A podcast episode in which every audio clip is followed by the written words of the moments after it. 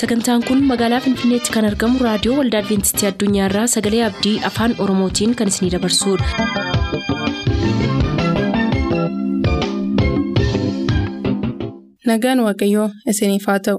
Hordoftoota sagantaa keenyaa akkam jirtu bakka jirtan hundaatti ayyaanni waaqayyoo isiniif haa baay'atu jechaa sagantaa keenyarraa jalatti kan nuti qabannee isiniif dhiyaanu sagantaa fayyaaf sagalee waaqayyooti. Jalqabatti sagantaa fayyaatii ittiin eebbifama.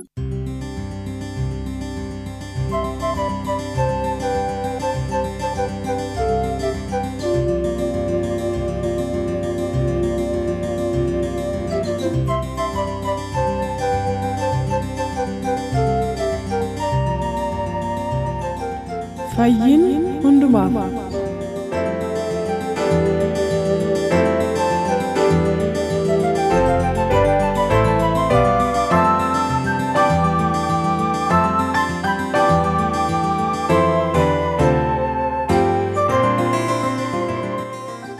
Harka fuune kabajamoo dhaggeeffatoota keenyaa kun sagantaa fayyaa kan karaa sagalee abdii isin bira ga'udha. Har'as gorsa fayyaa keenyaa keessatti ergaa fayyaa adventistootaa tooftaa kamiin milkiin faffaca'uu danda'aa kan jedhu irratti xiyyeeffannoo gochaa turra. Turtii keessan nu waliin godhadha.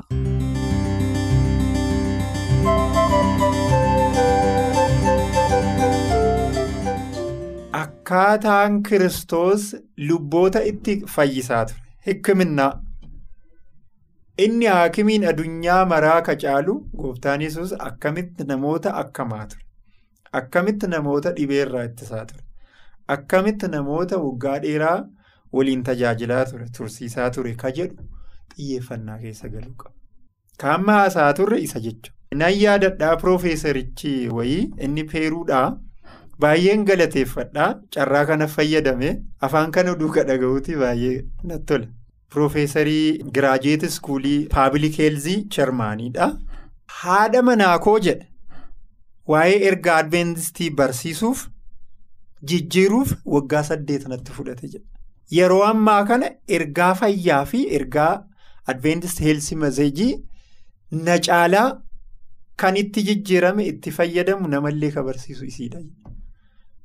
Waggaa saddeet fudhannee nama jijjiirraanu haadha manaa isaa waggaa saddeet laayif istaayilii akka adventistii heelzi maseejii yookiin ergaa adventistii kan fayyaatti akka jiraattu jechuudha. Mee namni mana tokko jiraatee waggaa saddeet jireenya adda addaa jiraataa wal gorsaa maal jedhaa? Ana immoo yookiin ati hiriyyaa kee yookiin ammoo obboleessa kee akkuma dura dubbanne waan badaa. Inni waan biraa soorataatu waan biraa sooratta. Inni waan biraa dalagaatu waan biraa dalagda. Nama kana jijjiiruudhaaf obsi nu qabnu meetidii tooftaan nu fayyadamnu ergaa qabna ergamaan nu'u tooftaa. Matsaafa wangeelaawotaa keessa deemnee ilaaluu dandeenya yesus waan inni godhe. Haadhattii sanatti akkamitti akka jijjiire. Jireenya guutuu keessa ka jedhu mishineriin isii duraa biyya Samaariyaa keessatti. Haadhattii bakkee boolla bishaanii san ture. Mishineriin isii dura amma nu akkuma mana kadhatti akka dhuunfatti akka waldattis ka hubannu namni waa'ee fayyaa barsiisu nama guyyaa tokkollee qofa hin beekne. Akkas ta'uu qabaami akka anaaf si hubannutti. Nama guyyaa tokkollee ciisee hin beekne. Nama guyyaa tokkollee waa'ee dhukkubsatuu yaadeetu hin beekne. Yeroo tokko tokko ebalu maal ta'e boqotee bari jedhuumi maaloo maal ta'e guyyaa tokkos. Isaa ciisu isaa dhukkubsatu dhageenye hin beeknu. Hin beektu fayyaan maal akka ta'e haala ammatti baranne kan irraa kaka'e jechuudha. Achirratti wanti dabaluu barbaade Elen Waayit yeroo baay'ee dhibamaa turteetti. Ijoollee lamaa awwaalatta. Ijoollee lamaa jalaa du'an. Maalirraa kaka'an beektaa? Jireenya badaa jiraatu ture ijoolleen dhokataa nyaata badaa nyaatu. Nyaata jankii akka warra weestarnii isa kana jechuudha. Kana jechuun nyaata piroosis ta'ee nyaata waarshaa keessaa bahee diraayibsiruu isa makdoonaalii jedhan sheekii jedhuun isa joolibii waan adda addaa nyaata piroosis ta'ee jiraami. Kaasinoojenik nyaanni xabbasamu kun nyaanni zayitii adda addaatiin piroosis ta'u kun kan paak ta'u kuni inni kunniin kaarsinoojeeniik waan jedhamu dhibee akkasii namatti fida. Kana jechuun kaansarii adda addaatiif kan dhiigaa kan lafee kaansarii adda addaatiif nervii nama saaxila. Ijoolleenis kanneen irraa kakee boqotan namni lama abbaan warraas dhibame istirookiin qabe dhumarratti waaqayyoo viizhinii sii kenna. Suuta suutaan nyaata jijjiiraa deemte gara uumamaa deeman suuta suutaan maal goote waaqa kadhataa waaqa kadhataa nyaata jijjiirte laayifstaayilii isa jedhamu jechuudha. Haakimii dhiifama yeroo tokko jedhaatiin fiizishaanii dhooggaa turte. Waaqayyoon gargaare viizhinii kenneef kitaaba baay'ee barreessite. Waan nama alalchise keessaa waa'ee mana maxxansaa, waa'ee wangeelaa, waa'ee kitaaba gurguruu, waa'ee dhaabbata adda addaa, waa'ee waan hedduu, waa'ee waan hedduu barreessiteetti. Garuu kunniin sa'aatii hagootti fudhate. Waa'ee fayyaa daqiiqaa afurtamii shanitti fudhate. Viizhinii kana fudhatuuf. Kun kan ilaalchisu, kun kan nu mul'isu. Wanti fayyaa xiyyeeffannaa hagamii akka itti kenname akka hubannuuf. An baay'ee waaqa galateeffadha. Baagiraawundiin kiyya an barataa sooshaaliiti. An histirii baradhe. Aartiidha. Baagiraawundiin kiyya kan haayiskuulii. Kolleejjii ennaa baradhu andergiraajuweetiin kiyya koominiitii diiveelopmeent liidarshiippiidha. Garuu dhumarratti fedha waaqaa ta'e an kana barachuuf fedha kiyyaan turre. Waan adda addaa barachuuf. Oduu joornaalizimii ta'ee, oduu saayikooloojistii ta'ee, waan adda addaa isa kan hawwatu. Waaqayyo ammoo fayyaa akka baradhu guyyaa tokkollee waan yaadee hin beekne fedha isaa ta'e baradha. Inni tokkoffaa namni fayyadame yoo jiraate lubbuu kiyya akka tursiisu nama akka ragaa ba'u yeroo dhiyoo keessatti waan wayii nama bira hin geessa jedhee yaada asumaan dhaamsa dabarsuu barbaada. Waaqa karaa addaatiin guddisee galateeffata. Baay'ee salphaan marfee waraanuun kiniinii pilsii piriskiraayibii godhuun rakkoo hin qabu. Guutuu biyya lafaa waan kana godhaattu. Mistiriin garuu heelzi piroomotarii ta'uun baayoomeedikaal aartii ta'uun ammoo baay'ee adda. Yeroo ammaa guutuu biyyatti xiyyeeffannaan guddaan kan kennamaaru barnoota hawaasummaa paabilik heelziidha. Xiyyeeffannaan guddaan addunyaanuu kan itti kennaattu jechuudha. Qorannoon baay'een kan itti deema. Gara laayif istaayilii jijjiiruu yookiin ammoo kun naachuraal rimeedii tiruu rimeedii gara uumamaa deebi'uu inni kun baay'ee barbaachisa. Kana carraa kana akka argadhu waaqa carraa kana naa kenne guddisee galateeffachuu barbaada. Kana gaaffiin biraa yoo jiraate garas deemu. Galatoomi gaaffii nan qabaa kan itti dabalee si gaafadhu gaaffilee muraasa nan qabaa.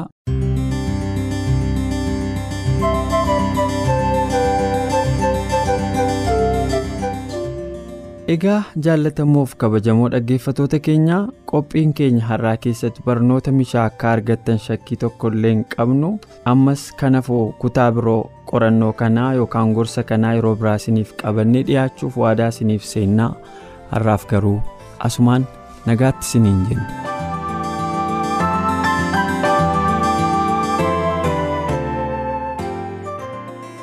Turtanii reediyoo keessan kan banattaniif kun reediyoo adventistii addunyaa sagalee abdiiti. Kanatti aansee sagalee waaqayyootu isiniif dhiyaataatii nu waliin tura.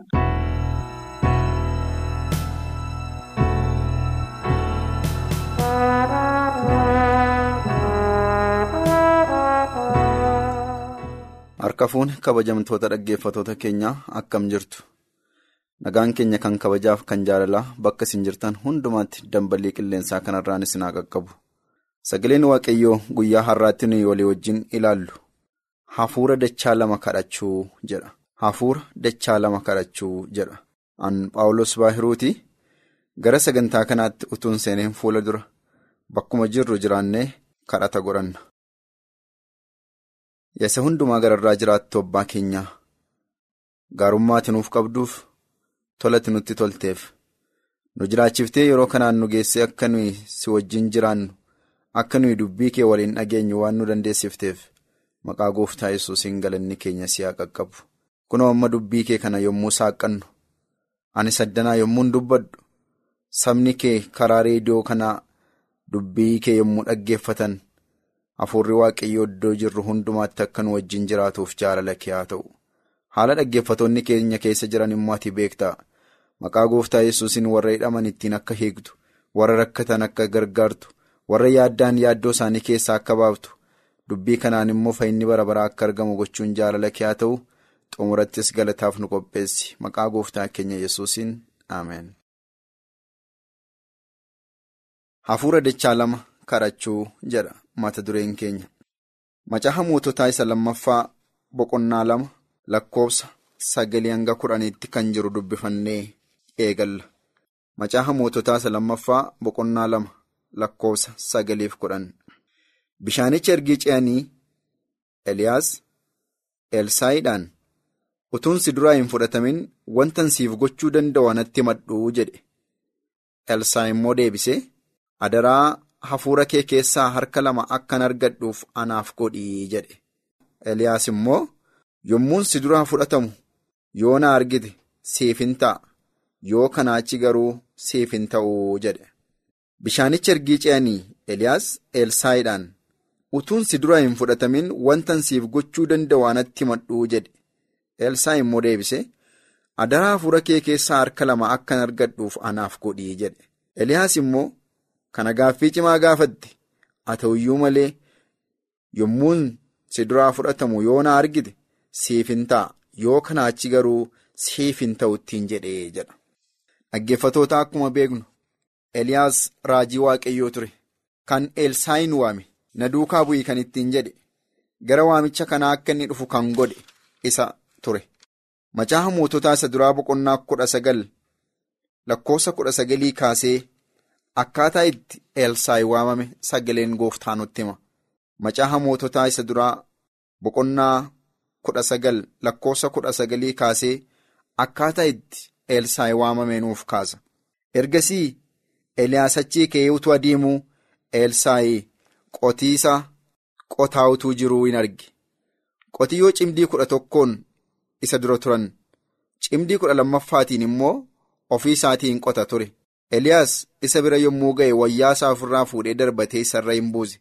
Yommuu Elsaayi qotiyyoo isaa achitti dhiisee Eliyaas duukaa fiigee dhaqee abbaa koof haadha koo dhudhungadhee nagaatti dhaamee deebi'ee si duukaa akka hin buufsin kadhadhaa jedhe. Eliyaas immoo deebiseefi ansin dhoowwu deebi'ii jedheen. Kanarratti Elsaayi isa biraa deebi'ee qotiyyoo cimdii tokko qalee foonichas mi'a qotiyyootiin affeelee namoota isaatiif hin kenne isaanis hin nyaatanii kana booddee Elsaayi ka'ee Eliyaas duukaa hin bu'e gargaartuusaas in ta'ee jedha. Dubbiin nuyi amma armaan olitti dhageenye kun akkaataa itti Elsaayi waamameedha.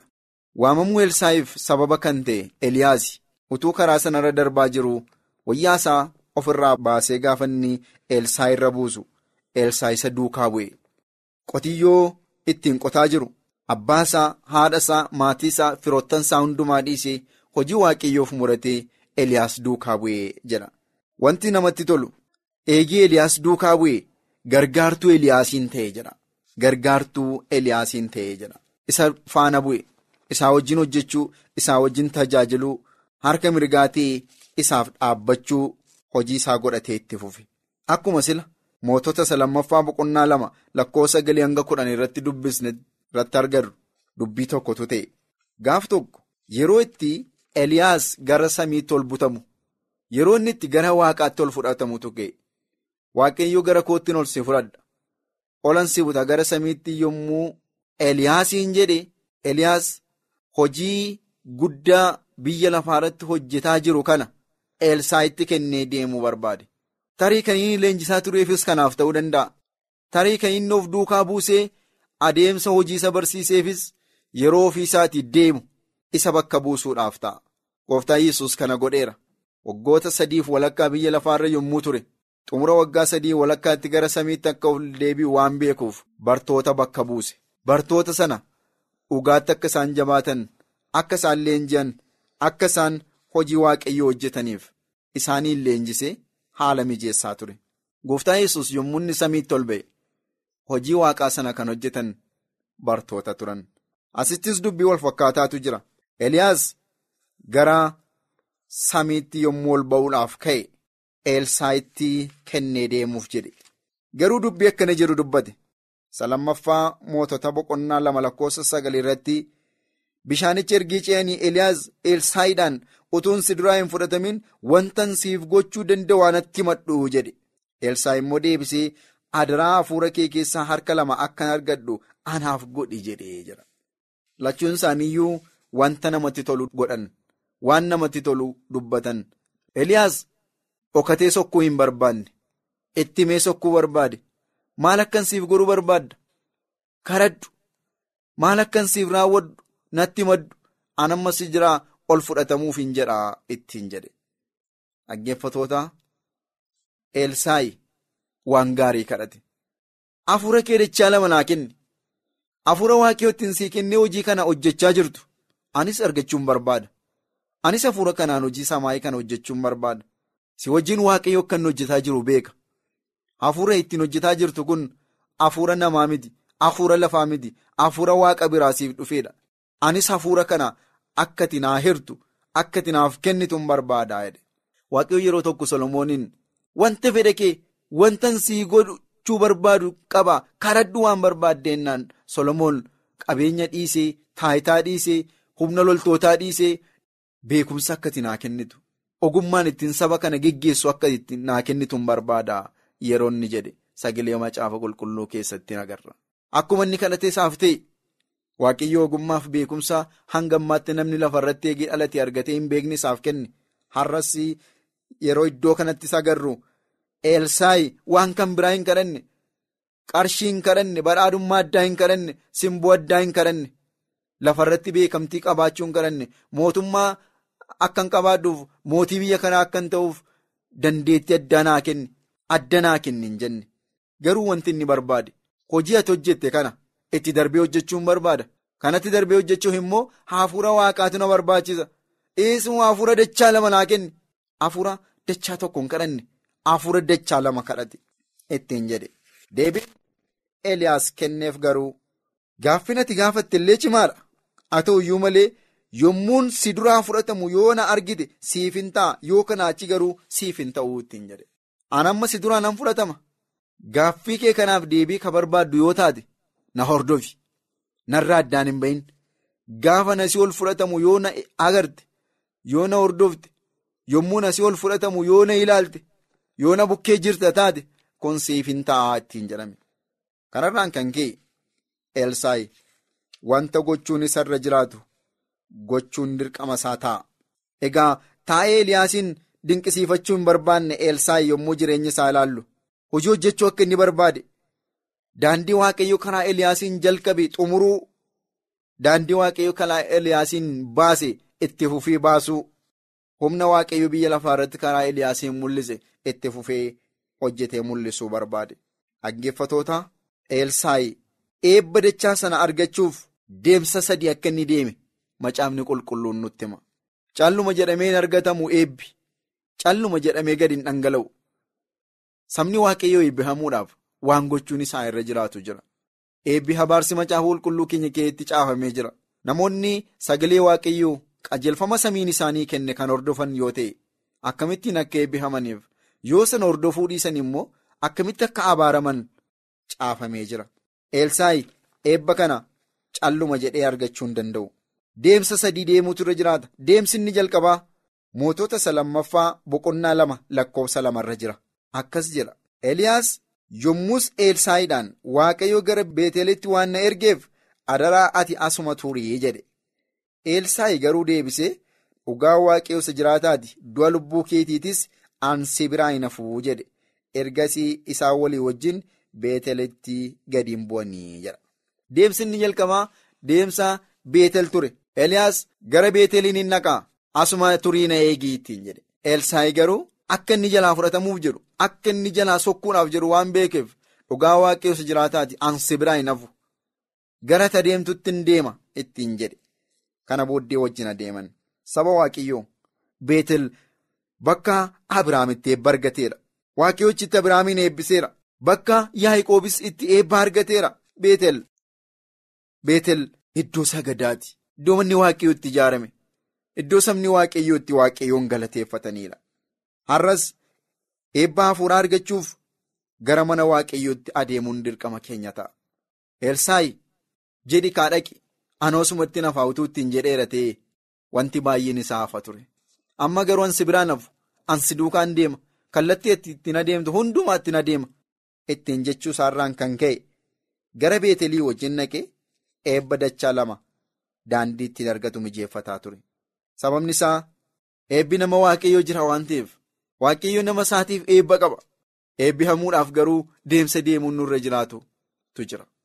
Lafumaa kaanee eebba samaayii eegganna yoo inni kun samaayii keessatti gatiin qabu. Inni lammaffaan deemsa gara Yeriikoodha. Achuma boqonnaa lama lakkoofsa afur irratti arganna. Eliyaas yommuu Elsaayiidhaan waaqayyoo gara Yeriikootti waan na ergeef adaraa tasuma turii jedhe. Inni garuu dhugaa waaqayyoos jiraataa du'a lubbuu keetiitti isaan si biraa hin hafuu jedhe. Ergasii isaa walii wajjin gara Yeriikoo dhaqanii jedha. Gara Yeriikoottis nan deema Eliyaas jennaan aan si biraan hafuu ittiin jedhe. Yeriikoon akkuma beekamtu magaalaa guddoo Israa'el turte dura bakka waaqayyoo callisaa itti naanna'aa jedhee gimbiitti naannessiisee ijoollee waaqayyoo itti mo'ichaa argatan ture. Ijoolleen waaqayyoo bakka isaanitti humni waaqayyoo isaaniif ta'e ture. Deemsi inni sadaffaan Yordaanos ture. Boqonnaa lama lakkoofsa ja'a. Eliyaas yommuu itti dabalee Elsaayiidhaan waaqayyoo gara Yordaanositti waan na ergeef. adaraa tasuma turi jedhe inni immoo deebisee dhugaa waaqayyoos jiraataa du'a lubbuu keetiitti san si biraa hin hafuu jedhe ergasii lachuun isaanii itti ufanii na deemanii jedha. Yordaanos dhaggeeffatoota galaanaa gara kakuutti yeroo galuu fi ishee xumuraarra jirtudha. Qarqara biyya abdiiti isheen Yordaanosiin ceenaan biyya abdii sanatti galuudha. Yordaanosiin ceenaan fayyuudha. Kabajamtoota saba waaqayyoo. Bartoonni illee hafuura qulqulluu argachuudhaaf guyyaa kudhan guutummaa kadhataniiru. Gooftaan Yesuus kadhadhaa hamma humna argattanitti isaaniin jedhee waan tureef isaan jabeessanii akka isaan kadhatan isa booddee hafuurri waaqayyoo akka isaanii bu'ee agarra. Har'as saba waaqayyoo akka dhuunfaattis akka saba waaqayyoottis hafuura dichaa lama argachuu yoo barbaanne xumura addunyaa kanaa kan ittiin xumuramu humna guutuu argachuu yoo barbaanne waan xiqqoo kadhachuurraa dachaa lama kadhachuu isa kadhanne argachuuf immoo. Deemsa adeemuu qabnu hundumaa adeemuutu nurra jiraata. Sagantaa keenya kan biraatiin deeminee hanga wal agarrutti dubbii dhageenye kanatti akka jiraannuuf hafuurri waaqayyo hunduma keenya gargaaru nagaa gooftaan nuuf tura. Sagantaa keenyatti akka gammaddan abdachaa kanarraaf jenne xumurreerra. Nuuf bilbiluu kan barbaaddan lakkoofsa bilbila keenyaa Duwwaa 11 551 11 99 Duwwaa 11 551 11 99 nuuf barreessuu kan barbaaddan lakkoofsa saanduqa poostaa 45 lakkoofsa saanduqa poostaa 45 Finfinnee qopheessitoota sagalee abdii waliin ta'uun nagaatti isiniin jenna.